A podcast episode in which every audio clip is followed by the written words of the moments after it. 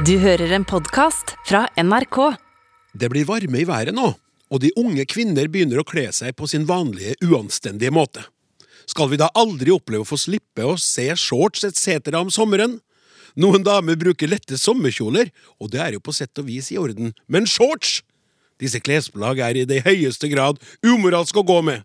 De fremhører kvinnens ynde i en altfor sterk grad, og virker eggende på det sterke kjønn. Vekk med disse plaggene!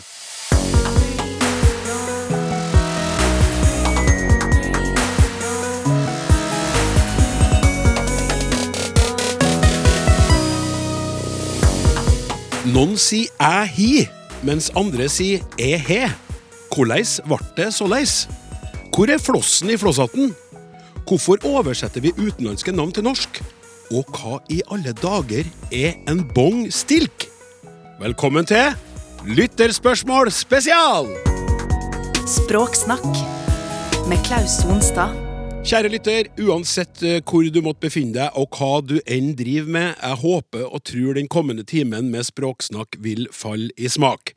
Tre opplagte, oppvakte og alt annet enn oppbrakte språkspesialister sitter klar her i studio sammen med meg, Klaus Sonstad.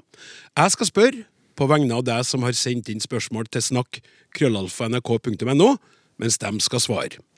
Og dem, det er ingen ringere enn ringreven Ellen Andenes, forskningsprosjektgrossist Terje Londal og språkforskerforfatter Helene Uri, som har vært med i Språksnakk flere ganger tidligere, men først nå debuterer som paneldeltaker i Lytterspørsmål spesial. Velkommen, alle tre. Tusen takk. Helene, det at du er novise her i dag, betyr at du får åpne ballet. Hurra. Ja, hurra for det. Hei, dere. Det er godt å vite at det finnes flere språknerder her i landet enn meg. Og fra tid til annen dukker det opp pussigheter som kan fange interessen i dager og uker. For eksempel, vi har en del stående uttrykk i norsk hvor opphavet ikke uten videre lar seg forklare. Som for eksempel rubbel og bit. Hva er rubbel? Sønder og sammen. Hvor er sønder? Hytt og pine. Hva er hytt? Slå våre pjalter sammen. Er det en pjolter det er snakk om? Og forresten, det er vel nesten ingen i dag som vet hva en pjolter er. Skriv med ønske om en aldeles storartet dag, Knut Fogner. Det var ikke måte på. Ja, her var det litt av hvert. Ja, skal du bare begynne på toppen, eller? Jeg er jo eh, enig med Knut, jeg lurer på deg òg. Hva er rubbel?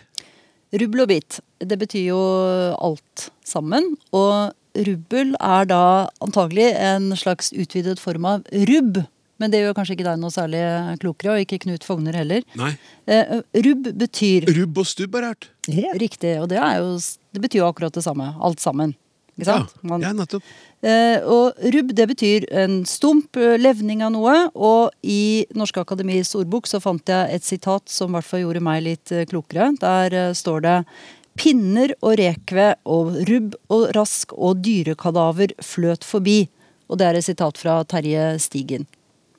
Så det er eh, rett og slett en, en, liten, en liten tingest. En tingest, en sånn søppeltingest. Ja. Ja. Noe vi ikke eh, Det er ikke sånn det er ikke, det er ikke sånn at du springer hjem og sier 'Se her, mamma, jeg fant en rubbel'. Så tar bort den ene B-en, derimot. En rubel. Ja, Ja.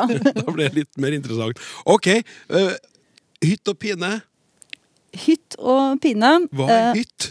Ja, Først så skal vi vel si at det egentlig opprinnelige uttrykket er hytt og vær. Jeg skal akkurat til å si det. Ja. Ja. Så hytt og pine er nok en sammenblanding mellom det opprinnelige uttrykket hytt og vær og død og pine. Ja. Mm. For ikke å snakke om hytt og gevær. Ja, ja. Eller hytt og pistol, som jeg hørte her forleden. Da, da har man virkelig gått videre. ja men, men uansett, da, så er det hytten med her, og den, eh, det er den det spørres om. Ja. Og uh, hytten, det, det, det er altså et substantiv. Og det betyr uh, slumpetreff. Og det henger antagelig sammen da med uh, hit, altså å hitte, og finne noe. Sånn som et hittebarn og hittegods. Å hitte på noe kan du si. Altså finne, finne ut av noe. Mhm. Så, det, så det er eh, rett og slett eh, på Altså vær er jo luften, da, så det betyr altså i eh, slumpetreff og i luften. Ja.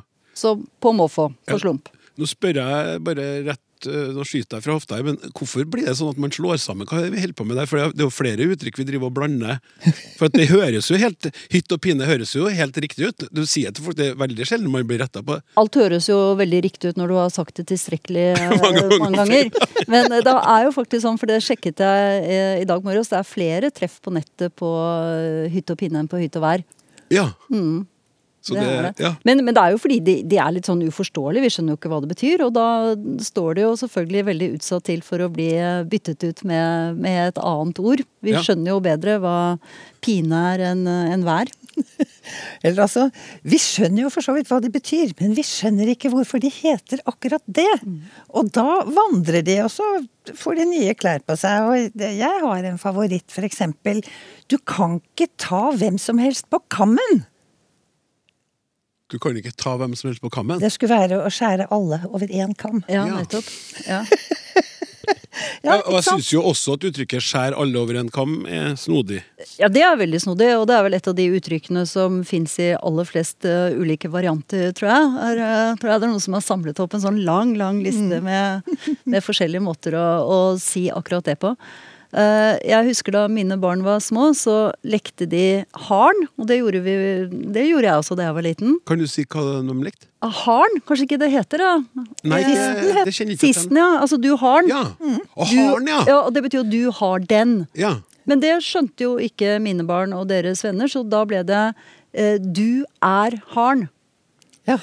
Ja, Det er jo litt det samme, ikke sant. Man, man skjønner det ikke helt, gjenkjenner det ikke helt, og så setter man det inn i nye sammenhenger. Hvem skal være haren nå? Mm. Ja, øh, så er slå våre pjalter sammen. Og her blir det spurt om den pjolter det er snakk om. Da tenker jeg at det må jo i så fall være ikke en pjolter, men flere. Altså en pjolter, to pjalter.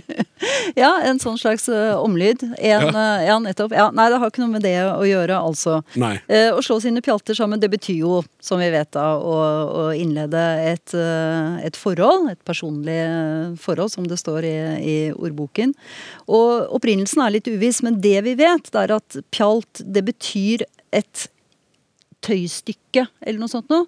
Og jeg fant et uh, sitat også i Norske Akademis ordbok som jeg syns gjorde det litt grann, uh, tydeligere. Uh, dette er Bjørnstjerne Bjørnson, selveste. Nå spillede og sang han, kong David, for seg selv, kledd i angerens pjalter. Da ble det litt, litt tydeligere. Og Jonas Lie Kanskje vi slo våre pjalter og levninger sammen og prøvde å gjøre noe ut av livet med det bleke solskinn. Oh. Det var jo både fint og trist på samme Så tid. litt sånn filler, altså. Ja. eh, Rett og slett. Mm. Altså, akkurat her, det, det er sånne ord og uttrykk og sånn med litt sånn, eh, ja, som en god venn av meg begynte å kalle pjolterord, faktisk. Det syns jeg det er stas, så send gjerne inn eh, sånne, kjære lytter, hvis du har noen du lurer på. Sønder og sammen, hvor er, hvor er sønder, spør, spør Knut. Ja, eh, det er ikke sydpå, altså. Nei. Sønder og sammen, det betyr jo fullstendig ødelagt. Og uh, sønder, det er den danske formen antagelig av sund, som vi har da å gå i sund, altså at noe går i stykker. Og vi finner det jo faktisk igjen i et ord som sønderknust. Ja. Og det har jo det har, det har holdt seg, det, det, det opplever jeg at man stadig forstår. Ja. Ja. Sønner og sammen. Takk. Vi går videre til eh, deg, Terje, som skal få bryne deg på noe ganske annet. Hei! Å ha er et sentralt verb i det norske språket, og som, som alt annet, kommer i mange utgaver. Har er den mest brukte bøyinga i presens, og hver gang jeg sier æ hi, trekker mange på smilebånda. På Steinkjer sier vi æ hi, og på Sunnmøre sier de æ eller ei he. Spørsmål hvordan ble det såleis? Rask tanke. På norrønt heter det hafa med tilsvarende bøying ek hefi. Korriger om jeg tar feil. Kjem da hi og he av he-fi og hef... Ja, det, det er veldig likt det meg. Du skal få ta over snart, Terje. om det stemmer, hvor kommer da har ifra? Og så et bonusspørsmål her. Skal jeg by på det med det samme, eller? Ja, gjør det. Ja. Hiver vi flere varianter av varianter i norsk enn hi og he i presens av å ha? Og hvor utbreid er disse variantene? Ha ei god sending, Karstein. Vær så god. Ja, tusen takk for flott eh, og spennende spørsmål i flertall. Eh, her var jo mye å, ta tak i. Eh, og lytteren har jo helt rett i at det er stor variasjon ute og går akkurat for dette verbet i norske dialekter. Mange verb er jo litt kjedelige. Selv for en som har skrevet doktorgrad om verb, så er det ikke alle verb som er like spennende. Og ikke minst når det gjelder bøying, så er det mange som er ganske standard. rett frem. Å spise, spiser, spiste, har spist. Eller å kaste, kaster, kasta, har kasta. Og så er det jo noen verb som har ulike former. Eh, verbet å være skiller seg jo virkelig ut der. Å være er, var, har vært. Eh, så her er det flere ulike røtter og ulike ordformer som ligger til grunn for de forskjellige formene. Og så er det sånn at I moderne norsk er jo å ha veldig kjedelig, eh, egentlig. For det å ha, har, hadde, har hatt. Så har i presen som lytteren er opptatt av. Men det har jo ikke alltid vært sånn. Og det har jo eh, lytteren observert når de har gått tilbake og sett, eller hun har gått tilbake og sett Han, unnskyld. Han, ja. Karstein. Eh, eh, har gått tilbake og sett på norrønt. Eh, for det stemmer at eh, på norrønt så var det hafa. eh, og det ble bøyd med en fornorska norrøn uttale. Hafa, hefir, havdi og haft. Altså i um, infinitiv, presens, preteritum og perfektum. Og her er det jo en forskjell da mellom infinitiv og presens, hafa til hefir. Akkurat som eh, Karstein var eh, opptatt av eller hadde observert. Og da sier vi at det verbet har iomlyd i presens. Eh, og iomlyd er en veldig viktig eh, form for vokalskifte, som oppsto under overgangen fra urnordisk til norrønt. Eh, og ved en sånn i-omlyd så blir den brakere rotvokalen fremma gjennom påvirkning av en i eller j som nå har forsvunnet. Altså a blir til e. Sånn at du får da hafa, hefer, eh, i norrønt. Og det er jo mye av dette som har blitt eh, bevart i eh, dialektmangfoldet. At noen har beholdt det som ligner litt på den norrøne formen, altså med e.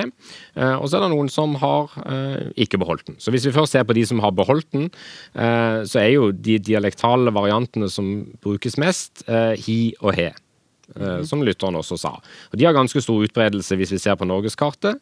He finnes tradisjonelt mange ulike steder, både på Sørlandet og Vestlandet, men også mange steder i Trøndelag.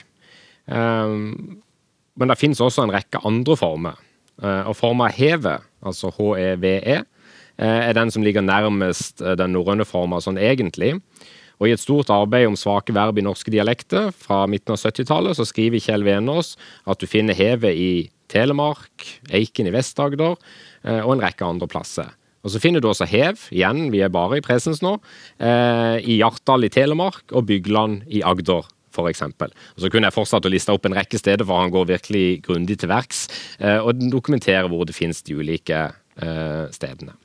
Men så spør jo lytteren også hvorfor heter det har i skriftspråket i dag. Um, eh, og, og mange sier jo har, men det er også veldig mange som sier ha, eh, uten r. Um, Uh, og dette har Venås også observert, og så sier han noe som jeg syns er veldig flott, et veldig fint sitat. Uh, det er ikke grunnlag for å gi noe geografisk oversyn over fordelinga av former med og uten r, altså ha eller har, uh, for dette er fælt skiftende.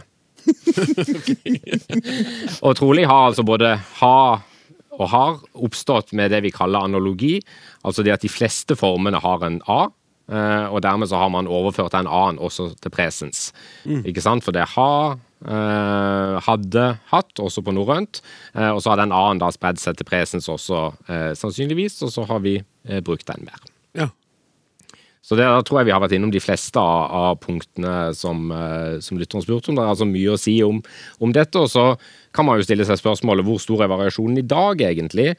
Og det, den er nok mye mindre enn det Venås sa på 70-tallet. Du finner he og hi også i dag, men disse formene som heve og hev, det er det nok veldig få forekomst av. Jeg var inne og så i, i dialektkorpus over norske dialekter, og det var ganske få forekomster av disse, og det er nok helst litt eldre folk på de stedene som hadde det på 70-tallet, som kanskje bruker det i dag. Fordi at vi vet at mange dialekter blir regionalisert og går mot en slags, en slags standard på mange måter. Utdøende. Ja, De mest eksotiske formene her er nok utdøende, ja. Ja. Tusen takk. Da har vi vært innom alle tre språkforskere. Jeg har en følelse av at det her blir ei kjempefin sending.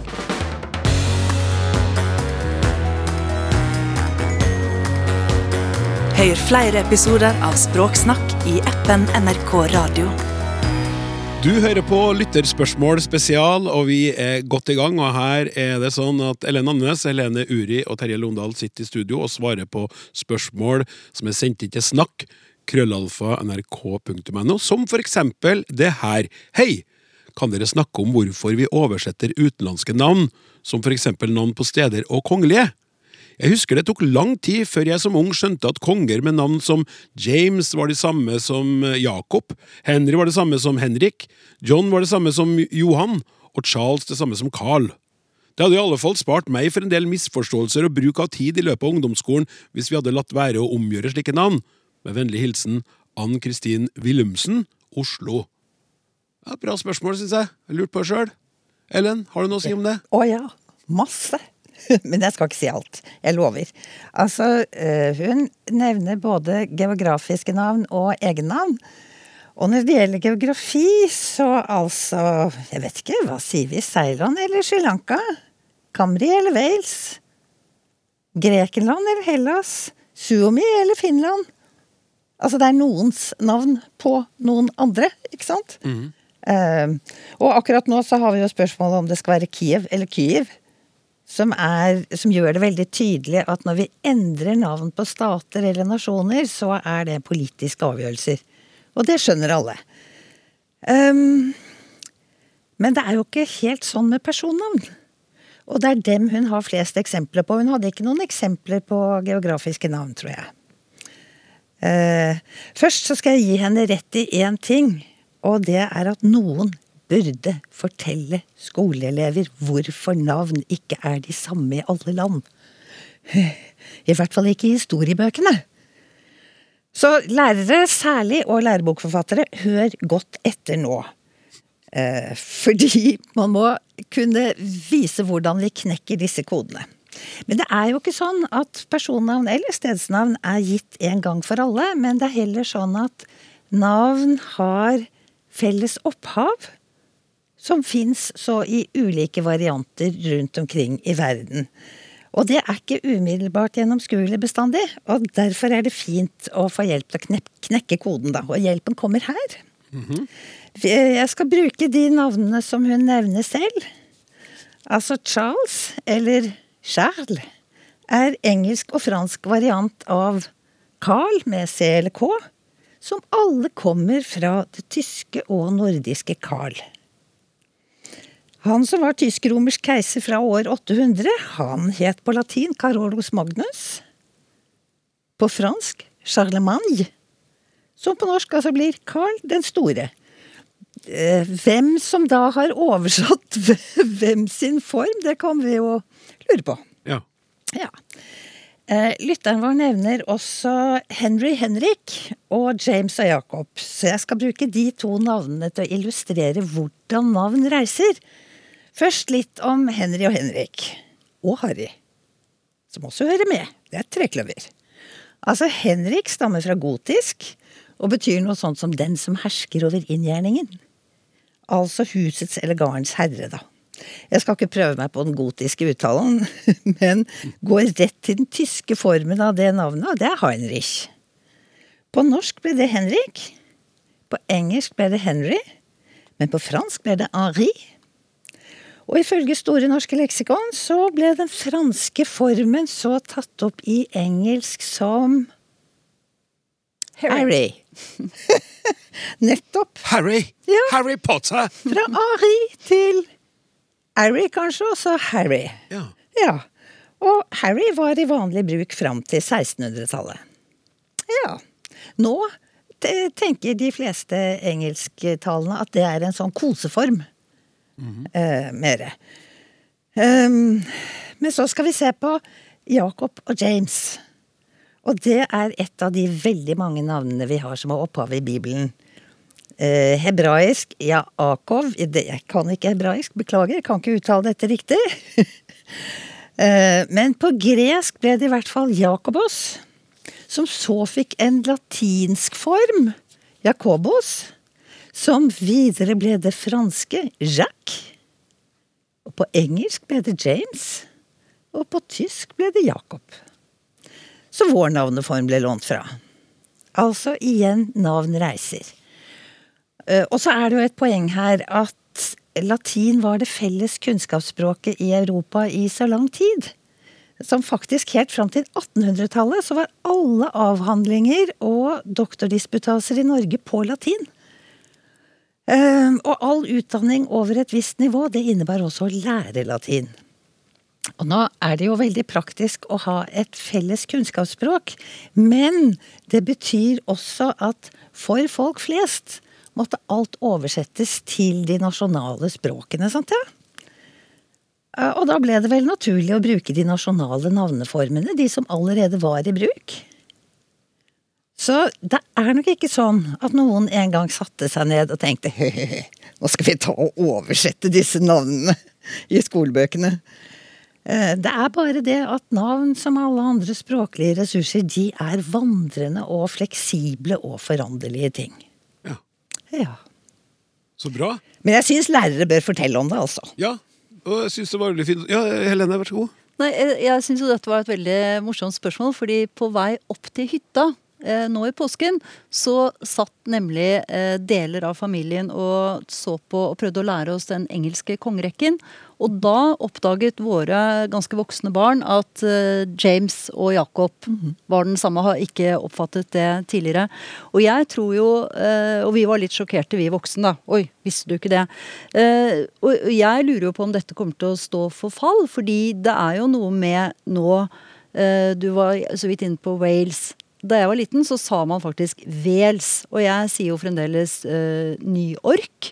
Og jeg hører jo at det er det ingen uh, unge som sier. Altså, de sier Wales, og de sier New York. Og vi oversatte jo filmtitler. ikke sant? Det het Kramer mot Kramer. ikke sant? Du husker den filmen? Det, Jeg husker også den filmen. Jeg gråt som bare det. Ja, ikke sant? Det Det var det var sånn. veldig trist. Den hadde blitt Kramer i dag, det er jeg helt sikker på. Jeg er helt sikker på Så at, at man nå skal se for seg at uh, Charles i England skal gå inn og bli Carl, det Jeg tror ikke det. Altså, vi har blitt så flinke i Vi har blitt mye dårligere i tysk og, og fransk, men vi har blitt veldig, veldig gode i engelsk. Ja, det er det, da. Det er en sånn såkalt internasjonalisering. Det er at alle tror at alt kommer fra engelsk. Sånn at den franske romanen 'Madame Bovary' hørte jeg omtalt i et program på NRK P2, Kulturkanalen, som Madame Bovary. Ja, ja. Ja. Chat noir har jeg hørt om i, Ja, selvfølgelig. i Oslo. Ja. Ja, det er fælt. Det, det er jo litt, ja, det er litt, det er jo litt fælt. Det er jo det. Det er lov å si det. Ja, men, det er sånn, men samtidig, som jeg har lært meg i språksnakk, det er utviklinga. Det er sånn. Språket i bevegelse. Spennende det å oppdage nye ting. Det, ja, det er sånn. Bare flyt med og Eller holde oss fast som best vi kan. Til vi en dag slipper det her galskapen for evig og alltid. Men det betyr jo da for denne, eh, for denne innsenderen, hvis vi holder fast på den tankerekken, at ja, sånn blir det nok, da vil alle geografiske navn bli oversatt til engelsk. Og vi vil ikke bruke navn fra noe, noe annet språk, annet enn i engelsk. River Seine sto det om i en VG-artikkel om Paris. River Sane. Seine. River Sane. River Seine, ja. Ja. Oh my god, sier bare jeg, og så går vi videre til neste spørsmål. Takk skal du ha, Ellen. Eh, Hei, Klaus. Ja, altså det, her er, det her er herlig. Det, her, det det er et sånt stort spørsmål ikke sant, i det her navnet. og sånt, Så kommer det altså fra Kjell Lerengen her. Følgende. Hei, Klaus. Kunne du og panelet greie ut hvor flossen i flosshatten er? sånn, jeg syns det er et fantastisk bilde på spennende spørsmål. Og de er så, det, det, altså, det er så bra spørsmål. Hvor er flossen i flosshatten her? Kikker jeg bort på deg, Helene. Det lurer jeg på sjøl. Flosshatt òg. Det, det, er så fint, det, men det brukes lite for tida. Ja, si ikke det. Nå har jeg sittet og sett på bilder av både Onkel Skrue og Monopolmannen og Alexander Kielland, og, og kongen bruker det jo til sjakett på, på 17. mai. Ja, som, snart er, som snart er her igjen, så det, det blir fint, da. Men feierne bruker det ikke i Norge. I Danmark så har de flosshatt. ja. Men øh, hvor er flossen? Altså, flossen er eh, stoffet. Ja. Er det? Så flosshatten er trukket med floss. Og jeg fant på nettet så fant jeg en flosshatt som jeg lurer på om den var laget av plast, til 59 kroner bare. Eh, og vi kaller jo det fremdeles en flosshatt, akkurat som vi kaller et viskelær for viskelær, selv om det ikke er laget av lær lenger. Men det er altså opprinnelig stoffet som er eh, flossen. Altså, altså, så stoff er et floss på linje med sånn fløyel, eller er det et slags fløyel i floss? Eh, Det kan det være en Du har kanskje hørt om at noe har en flosset innside. Det Ja. er mykt mot huden, ikke sant? Ja. Ja, nettopp. Jeg, jeg- vet jo hvordan en ordentlig Jeg har tatt en ordentlig flosshatt. De er veldig gode å ta på. Ja. Kan, hvis du møter noen Det vil jeg si til deg, Terje. Hvis du møter noen på din vei som har flosshatt, så ville jeg gått bort til vedkommende og sagt Kunne være så snill å få tatt på flosshatten din? Og det, det er et fantastisk godt stoff. Så det Men kan bli det- en interessant diskusjon. Ja, Nei, det kan du absolutt ikke. Ta det vekk. Men dere unge menneskene, er det noen av dere som har sett eller tatt på en chapeau-klakk? Tatt på en chapeau-klakk? Ja. Mm, nei, Det er nemlig nemlig en sammenleggbar flosshatt. Og det var så stilig, fordi at min svoger, han hadde en ekte chapeau-klakk. Og den er sånn Den ser helt flat ut, og så må man trene hjemme. Mm. at den skal funke ordentlig. Så slår man den mot låret, Så, jeg har jo sett det på film. og, ja, og så slår den seg ut. Spørsmål Ellen, er den også laga i det samme gode flosshatt, flossestoffet? Jeg tror det. Ja. Ja. Og den het Chapeau-klakk. Altså hatt, klapp. Klappehatt, klapp sammen hatt, slå sammen hatt. Litt praktisk, vet du. Og jeg gjorde også litt, eh, litt undersøkelser om hva flosshatt heter på andre språk. Og på flosshatt, eh, hvis den ikke sammenleggbare typen, heter eau de forme på fransk. Top hat, som vi vet på, på engelsk. Og så heter den eh, cylinderhot på, på tysk. Og det heter jo også Fantastisk. Ikke sant? Ja. og det heter den også på norsk. Altså på i gamle, hvis vi ser i gamle romaner, så står det sylinderhatt også på norsk. Og både på dansk og svensk. Og så kommer nemlig høydepunktet! For hva heter den på italiensk? Tuba. oh, fantastisk. For det betyr jo altså både rør og ja, ikke sant? Var ikke det fint? Ja, Veldig bra. Grazie, grazie. Eh, vi, vi må videre i denne uh, lytterspørsmål spesialsendinga, der eh, dere som hører på, har sendt inn masse fine spørsmål, som dere jo nå hører, da, blir besvart på luften her av et meget kompetent eh, panel. Eh, og vi går videre til eh, anonym. Det er lov å være anonym, og det må jeg bare si. Det er ikke noe stress hvis du ikke ønsker å få navnet ditt lest opp på lufta, så lenge spørsmålet er verdt å pirke i for våre eh, eksperter. Kjære Språksnakk. Takk for sprudlende og befordrende programmer. Det rene ordnyteri. Ja, øh, denne personen skriver om flere ting, og så kommer øh, vedkommende fram til så er det den ubestemte artikkel som brer om seg. Han er en lege og kona en geolog. Hun har en dårlig matlyst. Vi må vise hverandre en tillit. Det må Equinor ta ett ansvar for. Det er hevet over en tvil at Stoltenberg får krevende oppgaver. Kan dere kommentere det? Kommer tissetrengte skandinaver snart til å måtte løpe på en do? På en do, altså ikke på do, men på en do! Takk og ære til alle begeistrede flisespikkere. På tysk heter det erb, erbsenseler, altså en som teller hjertene. If språksnakk is the food of love, snakk on! Fritt etter Shakespeare kom litt sånn skryt på slutten der òg, men det her er spennende, Terje. Vær så god. Ja, det er absolutt spennende, og det er ikke nødvendigvis flisespikkeri heller, fordi at dette går inn i noen eh, interessante deler av norsk grammatikk, faktisk. Um, nå sier ikke innsender noe om vedkommende snakker om skriftspråk eller muntlig språk, og det kan nok være noen forskjeller her i disse observasjonene, kanskje, uten at jeg har gjort en stor uh, undersøkelse på det.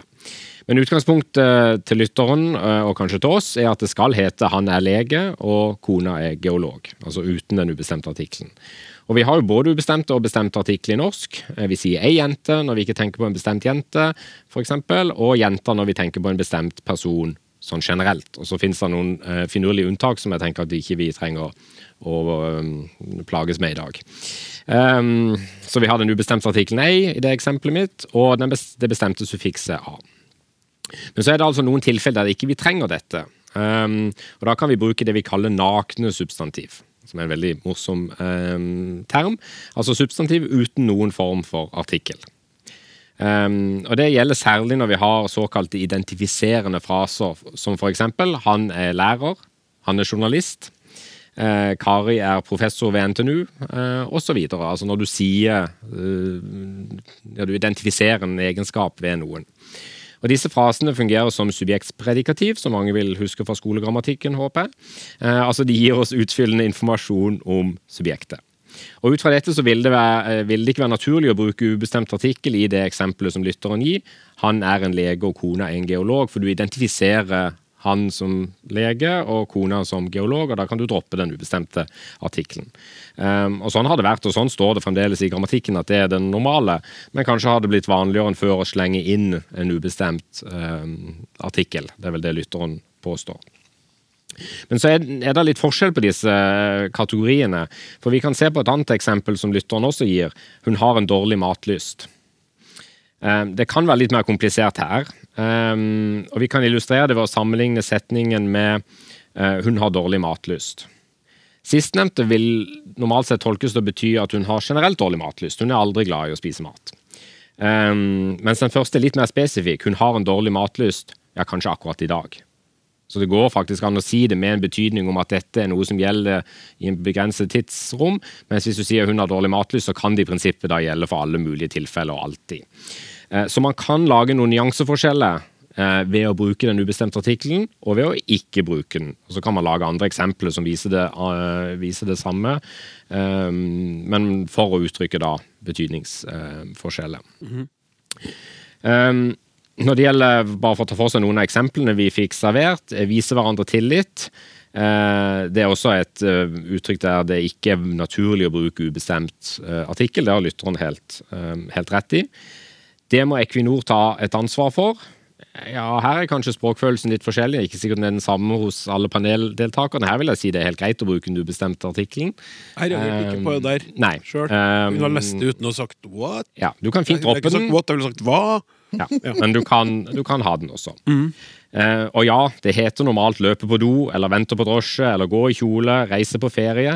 Alle med nakne uh, substantiver. Altså etter preposisjoner så har man ofte nakne substantiver i norsk.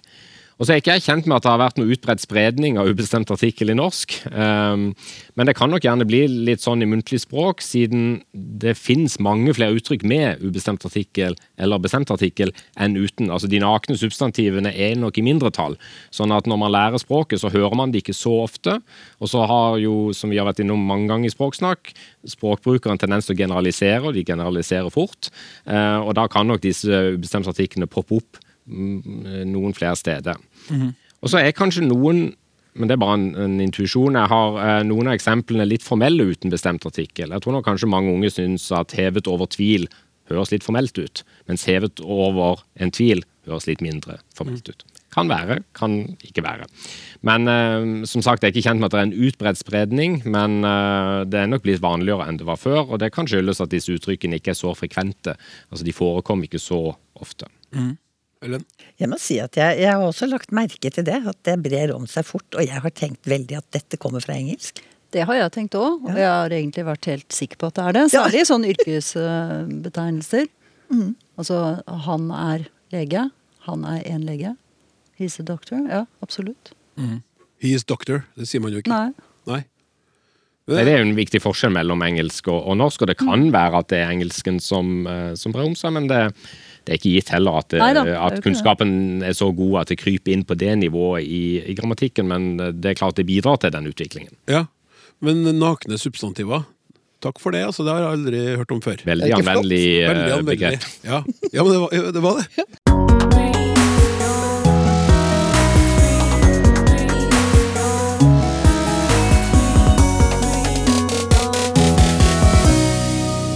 Du hører på Lytterspørsmål spesial. I studio sitter Helene Andenes, eh, Helene Uri og Terje Londal. De er alle sammen språkforskere, eh, skråstrek språkvitere. Og nå skal vi fortsette med et spørsmål som eh, Ja, det er fra en far som er litt lei seg på vegne av sine barn, rett og slett. Hei, Klaus og kollegaer i NRKs Språksnakk. Takk for fine podkaster med mange fine tema. Kan dere hjelpe meg med å belyse en rar utvikling og avgjørelse? Min sønn er yrkesfisker, og stolt av det, men han får ikke lenger lov til å kalle seg fisker. I mer enn 1000 år har folk langs kysten overlevd av å fiske torsk, sei og sild og livberget nasjon. Min sønn og hans mannskap fisker rundt 20 000 kilo fisk daglig. Det utgjør middager til minst 20 000 familier. De er stolte fiskere i et tøft yrke med 15–18 timer daglig innsats under sesongfiske på skrei. Det har seg slik at noen har sittet og pønsket ut en måte å endre stillingsbetegnelsen for tusener av norske, norske kvinner og menn. Vi har også ei datter som er yrkesfisker med egen sjark. De skal ikke lenger kalle seg fiskere når de henvender seg til det offentlige. Det nye ordet eller yrkestittelen er høster. Først var det ingen som tok dette forslaget seriøst. Man bare fikk seg en virkelig god latter. Det kan virke som om en eller annen eh, byråkrat har sittet hjemme under koronapandemien og tenkt hva kan jeg gjøre for å bli lagt merke til og kanskje bli kjendis? Er det noe vi kan gjøre for å gå tilbake noen tusen år, da folk ble delt i gruppene jegere og samlere? Det var så enkelt da det kun var to slags mennesker. De tenkte kanskje at det geniale med min tanke er at nå kan både fiskere og ansatte ved havbruk, kaiarbeidere, filetskjærere, fiskehandlere, bønder, skogbrukere, bærdyrkere, bærplukkere, begravelsesagenter, bitcoin-minere med flere få en felles tittel! Jeg ser jo for meg at mange innen helsevesenet, som for eksempel hjelpepleiere, helsefagarbeidere, pleiemedhjelpere, jordmødre og sykepleiere, kunne få en felles offentlig tittel pleier eller helsepersonell. Alle som jobber i skolen, enten de er lærere, lektorer, lærerassistenter, elevassistenter, kantinepersoner, tolker, vaktmestere, kunne for letthets skyld kalles lærere eller hjelpere, for alle, alle jobber jo med å hjelpe unge med læring.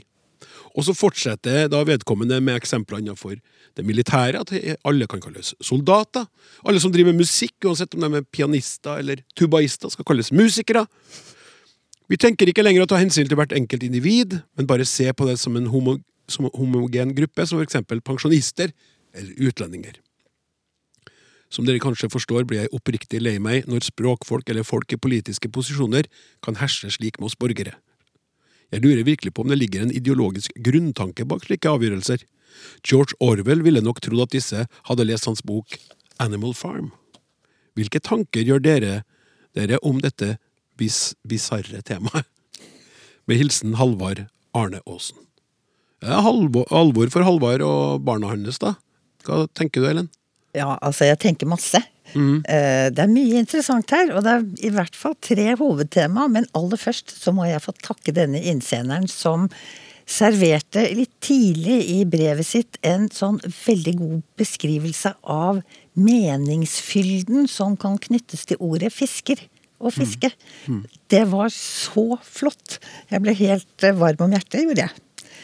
Men ellers er det altså tre hovedtema, og jeg skal kommentere særlig to av dem. Eh, nemlig begrepsbruken, altså høsting om fisking. Mm. Det er jo virkelig et språkspørsmål. Og det andre som jeg skal si noe særlig om, det er folks reaksjoner når de opplever at nye begrep eller nye ordninger blir tredd nedover huet på oss. Altså når vi føler at vi blir hersa med, som han skriver. Uh, og så er det jo også dette, altså det allmenne med at vi får stadig flere og stadig mer generelle begrep. Som er så generelle at de blir ugjennomsiktige og ikke gir noe mening for folk flest. Altså for eksempel enheter. Det er jo, det er jo helt håpløst. Det er enhetsleder, er du det, men hva driver du med? Mm. Hva gjør du? Hva er innholdet i enheten? Lede en enhet. Ja, ikke sant? Mm. Eh, men dette snakket vi om i Lyttespørsmål spesial i februar. Så eh, søk opp den på nettet, og eh, holdt jeg på å si les den. Ja. Hør den på nett. Ja, Gå inn i NRK radioappen og last ned lytterspørsmål spesial fra februar. Men nå skal vi jo ja. konsentrere oss om den her fortvilte fiskerfaren. Men så er det jo også sånn da at helsepersonell er ikke hvem som helst som jobber med helse, men personer med autorisasjon eller lisens etter helsepersonelloven. Og militært personell er også et begrep. Men dette er ikke ord som vi bruker i dagligtale, vi som ikke har et eller annet jeg håper å si, yrkesmessig eller departementalt forhold til det. Og det kommer vel til å ta sin tid, tror jeg, før så veldig mange av oss kommer til å snakke om norske fiskere som havhøstere eller noe sånt. Jeg tror ikke det. ja, ganske poetisk. Ja, ikke sant? ja, Men når du sa havhøster, så ble det jo plutselig hakket bedre. Ja, og Altså- det er et poeng der, skjønner du. Ja, Ja, vent nu, Klaus. den er god. Altså ordbruken. Eh, og det er jo lett å føle med fiskerne da. Nå stemmer det vel neppe helt at fiskere ikke lenger får lov til å kalle seg fiskere selv. Det tror jeg sikkert de får uten at politiet kommer. Eh, Men det handler om hvordan fiskere blir omtalt i noen bestemte sammenhenger. Det dreier seg om forandringer i en forskrift. Nemlig den såkalte utøvelsesforskriften. Som fra første i første fikk navnet høstingsforskriften. Eh, og eh, Språkrådet har hatt litt å si om dette, og mange tilknytta fiske og fiskeri har hatt meget å si om det. Og fiskeriministeren hørte på og sa hm, ok. Og så lanserte han en uformell konkurranse for å finne bedre ord. Det nytter å si fra, med andre ord, og derfor er dette på sett og vis en gladsak. Og hvordan det gikk, det skal dere få høre om helt på slutten, men dere må høre mer til meg først. altså, det som er språklig interessant, det er jo at den tradisjonelle bruken av ordet høste, det er å høste planter og vekster. Det er veldig uvanlig i norsk å snakke om å høste dyr. Eh, enten det er fisk eller hjort, liksom. Eh, Da har man snakket om fangst eh, og jakt. Og så er det sånn at fiskeriministeren har en fortid som bonde. Og han ble da i en ganske heit debatt beskyldt for å sniklandbrukifisere fiskerinæringa. Det syns jeg jo var et veldig godt begrep. Eh, Og da gikk han jo ut da og forklarte bruken av ordet, og sa at høsting er jo ment som et fellesbegrep. Det skal dekke fiske av fisk, fangst av skalldyr og vågehval. Det hadde du ikke tenkt på det, Klaus. Nei, det hadde jeg ikke. Og andre marine pattedyr. Men også høsting av tang og tare. Nemlig. øh, Mitt mål her, sa han, det er å lande et årelangt arbeid på en fornuftig måte, og jeg ønsker at språket som brukes i forskriften skal være så folkelig som mulig. Det sa fiskeri- og havministeren, og det er jo fint, da. Eh, Så var det en journalist i bladet Kyst og Fjord som sa at dette er jåleri. Eh, Det som er jålete, det er at man dekker over, fortrenger virkeligheten ved å bruke andre ord på de tingene som vi holder på med, og fjerner oss litt fra det brutale som både fiske og fangst egentlig handler om. Litt sånn militær operasjon i stedet for krig. Ja, litt sånn. Litt sånn. Og altså, folk vil ikke egentlig vite at det er døde dyr de har på tallerkenen. Eh, Ikke sant? Det, er, det virker veldig brutalt. Ja. Eh, Så, men han har et forslag, da. Han foreslår å veide. Og det er et eldre ord som dekker jakt og fangst og fiske, men jeg vet ikke egentlig om det er noe mindre tildekkende. Så nesten mer, eh, spør du meg. Nesten mer. Akke, Men altså. Akke mer fjernt. Dette er vanskelig, da. For eh, som vi alle vet, eh, departementer og lovgivere trenger sånne overord. Altså betegnelser på veldig mange. Eksempel som i helsepersonelloven, da. Eller tiltak hos Nav. La oss da titte litt på reaksjonen på ordbruken, som jeg sa var mitt hovedtema nummer to. Denne innsenderen skriver altså at det kan virke som om en eller flere byråkrater har sittet hjemme under koronapandemien og tenkt hva kan jeg gjøre for å bli lagt merke til og kanskje bli kjendis? Eh, og jeg festet meg ved det der, fordi dette har jeg lagt merke til. Det er en mye brukt forklaringsmåte når norske mennesker opplever at noen, som vi veldig ofte omtaler i ubestemt form som de, bestemmer over oss på måter vi misliker, med andre ord herser. Og jeg hører meg selv si det innimellom. Sånn åh, nå er det noen som vil ha navnet sitt på en reform igjen. Eh, hvis jeg ikke liker reformen. Jeg sier ikke hvis jeg liker den. Og det er jo det at når vi ikke forstår hvorfor folk gjør det de gjør, så blir det veldig fristende å finne opp motiver for dem. Og jo mer vi misliker forslaget, desto mer eh, hemningsløse blir vi i motivtilskrivingen. Som for eksempel at her er det en som vil bli kjendis. Eller berømt. Men i dette tilfellet så er det nok ikke sånn, altså. Eh, Det er ingen som kommer til å bli berømt for å ha innført ordet høsting i forbindelse med fiske og fangst. Fordi navnet på denne forskriften det tar faktisk utgangspunkt i havressursloven, som jeg tror kom i 2008. Og vi har liksom ikke navnene på lovgiverne. Men det var da begrepet høsting ble lansert for første gang. Ja. Så vi må nesten kjøpe denne forklaringen med at det er det at her skal man liksom få med seg alle de marine ressursene. Men så lovet jeg jo at jeg skulle fortelle hvordan det gikk med forskriften. Mm -hmm. Fordi fiskeriministeren utlyste jo en konkurranse, og jeg har ikke funnet noe mer om konkurransen.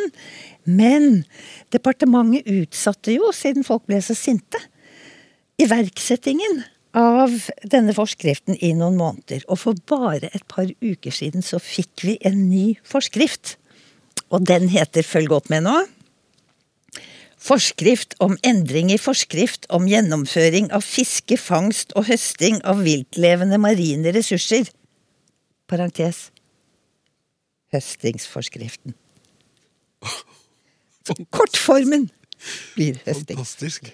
Er ikke flott? Ja, helt utrolig. Forskrift og forskrift, ja. ja. Nei, altså, det der var uh, Du verden for en gjennomgang. Og det slår jo meg nå, du sa jo hav, Var det havhøsting du sa? Ja, det ja, Jo, jo, men, men altså, det her store, store norske firmaet som nå har endra navn, det heter jo Marine Harvest. Så det, det, har jo vært en sånn tankegang på det tidligere også. Men uh, så bra, og for et uh, fint fyll, heter ikke fyllestgjørende svar denne faren eh, fikk på vegne av sine to fiskerbarn. vi skal gå derfra til, eh, til, til fortiden, rett og slett. Vi skal til et aldeles herlig avisinnlegg fra før i tida. Det er ikke datert, men det kommer fra to stykker som heter Nina Soligard og Trygve Bjørneboe, som skriver Hei, Språksnakk. Vi fant dette artige eldre leserinnlegget. Her er en kvinne opprørt over den uanstendige shortsen. Og så skal dere få høre Vi må nesten lese det, for det er så, det er så flott. Vekk med shortsen, er overskrifta. Det blir varme i været nå, og de unge kvinner begynner å kle seg på sin vanlige, uanstendige måte. Skal vi da aldri oppleve å få slippe å se shorts etc. om sommeren? Noen damer bruker lette sommerkjoler, og det er jo på sett og vis i orden, men shorts og så er det lang strekk, lang strekk, lang strekk, utropstegn. Det er sikkert som vi har hatt prikk, prikk, prikk nå, da. Disse klesplagg er i det høyeste grad umoralsk å gå med. De fremhever kvinnens ynde i en altfor sterk grad og virker eggende på det sterke kjønn. Vekk med disse plaggene! Da jeg var ung, brukte vi lange kjoler, snøreliv etc., og vi klarte oss fullstendig med det. Som et lite eksempel på hvordan unge herrer er nå for tiden, må jeg referere min siste samtale med min gudsønn, Gerd var helt super i soliv og shorts, altså. Det er den bongeste stilk. Jeg sier det er uanstendig! Underskrevet ETH. Og da er jo selvfølgelig Nina og Trygve like nysgjerrig som meg på hva en bong stilk er for noe.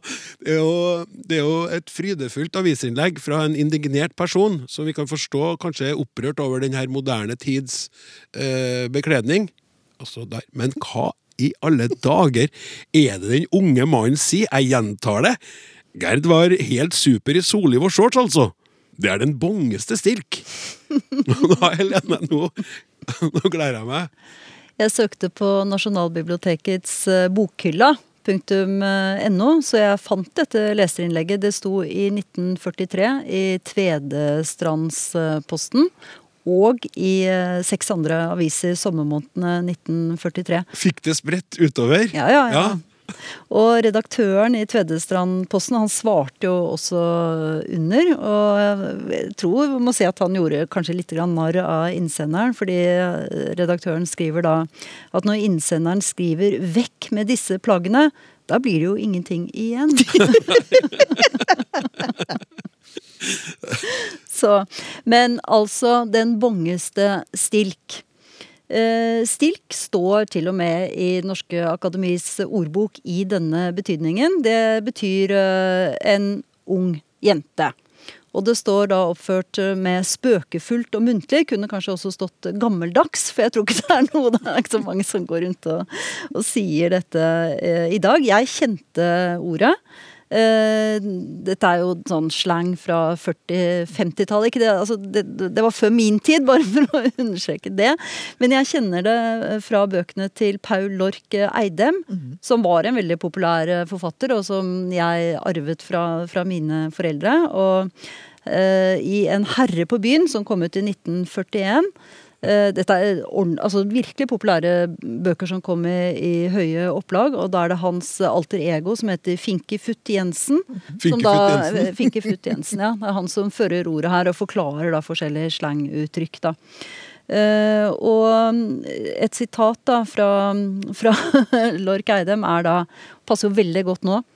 Rett over påske kan en se lubne stilk med savn i blikket bestille fruktsalat istedenfor mixed grill på byens utesteder.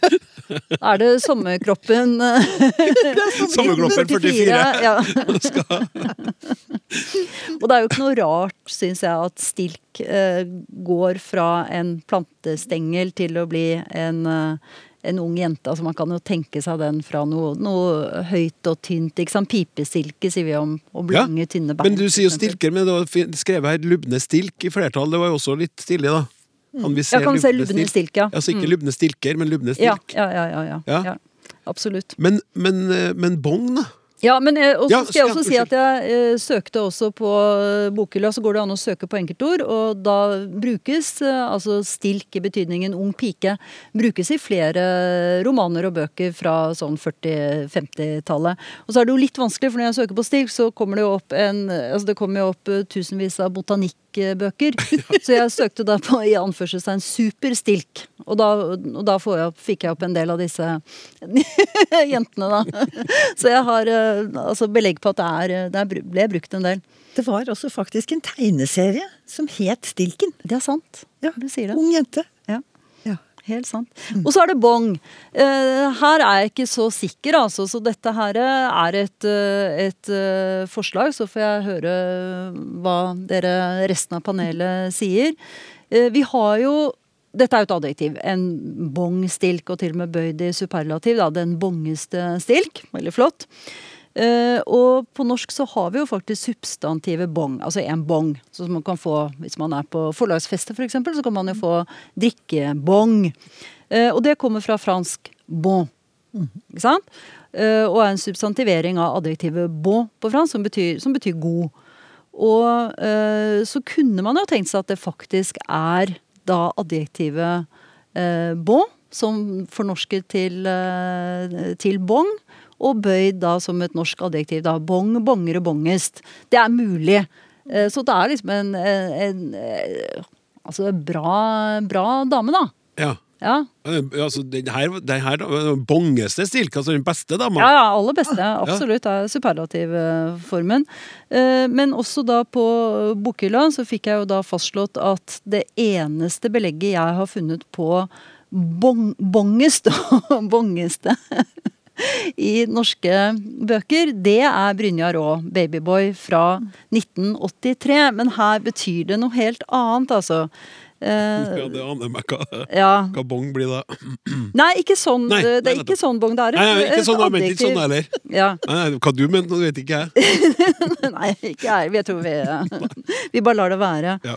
Um, han skriver nemlig Men åssen kunne jeg bevise at akkurat det der, det hadde jeg da hørt før. Iallfall drømt, og åssen i gærneste, bongeste, svarteste domkirka kunne jeg bevise at det ikke var en drøm, osv. Og, og her høres det jo for meg nesten ut som et sånt nonsensord. Altså bongeste, mm, pingeste Ikke sant? Altså, det er bare et, et laget ord som kommer i en sånn ordstrøm. Ja. Men det er mulig at Brynjar Aa mente noe annet med det. Dette ble skrevet, den romanen er fra 1983, så eh, jeg vet ikke. Men min, min teori, da. Stilk, klart. Ung jente. Eh, bongeste. Superlativ av et eller annet adjektiv som vi ikke helt vet hva betyr. Jeg våger meg til å tippe at det kanskje er en, en fornorskning av det franske bon. da. Det er liksom den flotteste, fineste kjei. Ja. Og dette vil jeg eh, sterkt støtte, fordi at eh, da jeg vokste opp, så leste jeg eh, Når jeg var på sommerferie i Horten hos mormor, så leste jeg min mors ungpikebøker. Fra den gang da. Og der hadde folk det bong, altså. Ja, nettopp. De hadde det bong, ja. De hadde det bong. Så det er, nei, det, går, det er jo perfekt. Ja. Teori eh, eh, presentert, teori bekreftet. I ett og samme lyttespørsmål spesial. Rett og slett. Ja. Jeg tror vi rekker et spørsmål til. Du hører på Språksnakk lytterspørsmål spesial. Sitter du og tenker nå Jeg har jo et spørsmål jeg kunne tenkt meg å sende inn til Språksnakk. Gjør det, da vel! Snakk krøllalfa.nrk.no. Og da, eh, da gjør du som Ian eh, eller INK, har gjort. Hei! Takk for artig program. Brudulje. Har det ordet noe med hva bruden gjør? Så kort kan det spørres. Og så mye lite. Brudulje, har det no ordet noe med hva bruden gjør? Helene? Nei, sa brura. Takk skal du ha! Da Jeg tenker hvis, hvis alle svarene i, i, i lytterspørsmål spesial hadde vært sånn, så hadde vi måttet hatt veldig mange spørsmål og begynt på Nei. Ja, riktig. Nei, det er feil.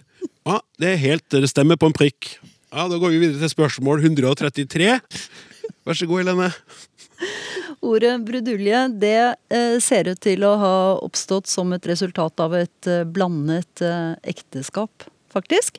Med en nedertysk forelder og en fransk, for det kommer fra nedertysk brodeleie, som betyr uorden og forvirring. Og så kommer det også, da, til dels, da, fra fransk eh, som betyr å, å stotre. Altså snakke med stamme.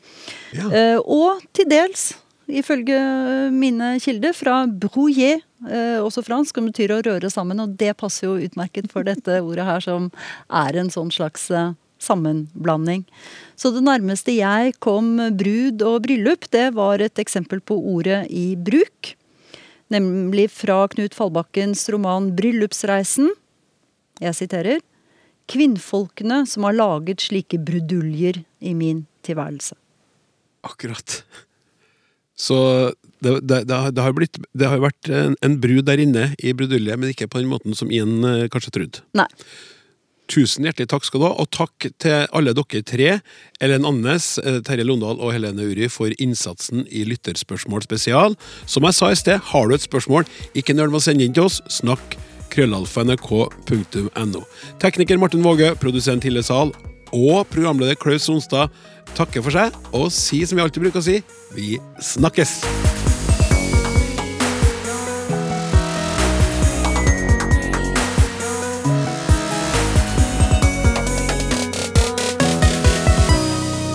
Du har hørt en podkast fra NRK.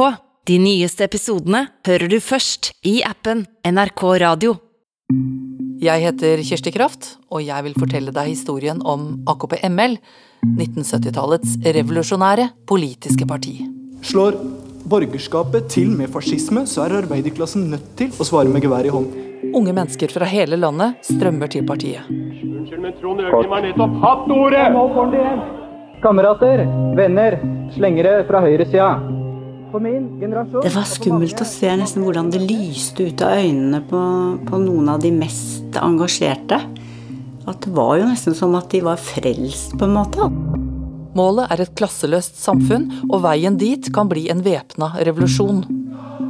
Så væpnet revolusjon er nødvendig. Vi samler oss nå og går rett ned til Stratos retrettmøte. Det utvikler seg etter hvert stor uro. Alt skal bestemmes fra toppen. Det var autoritært. Litt sånn hånlig sånn ha-ha-ha. Tror du det, du, da? Det var bare ett riktig svar. Væpna revolusjon, podkastserien om AKP-ML, hører du først i appen NRK Radio.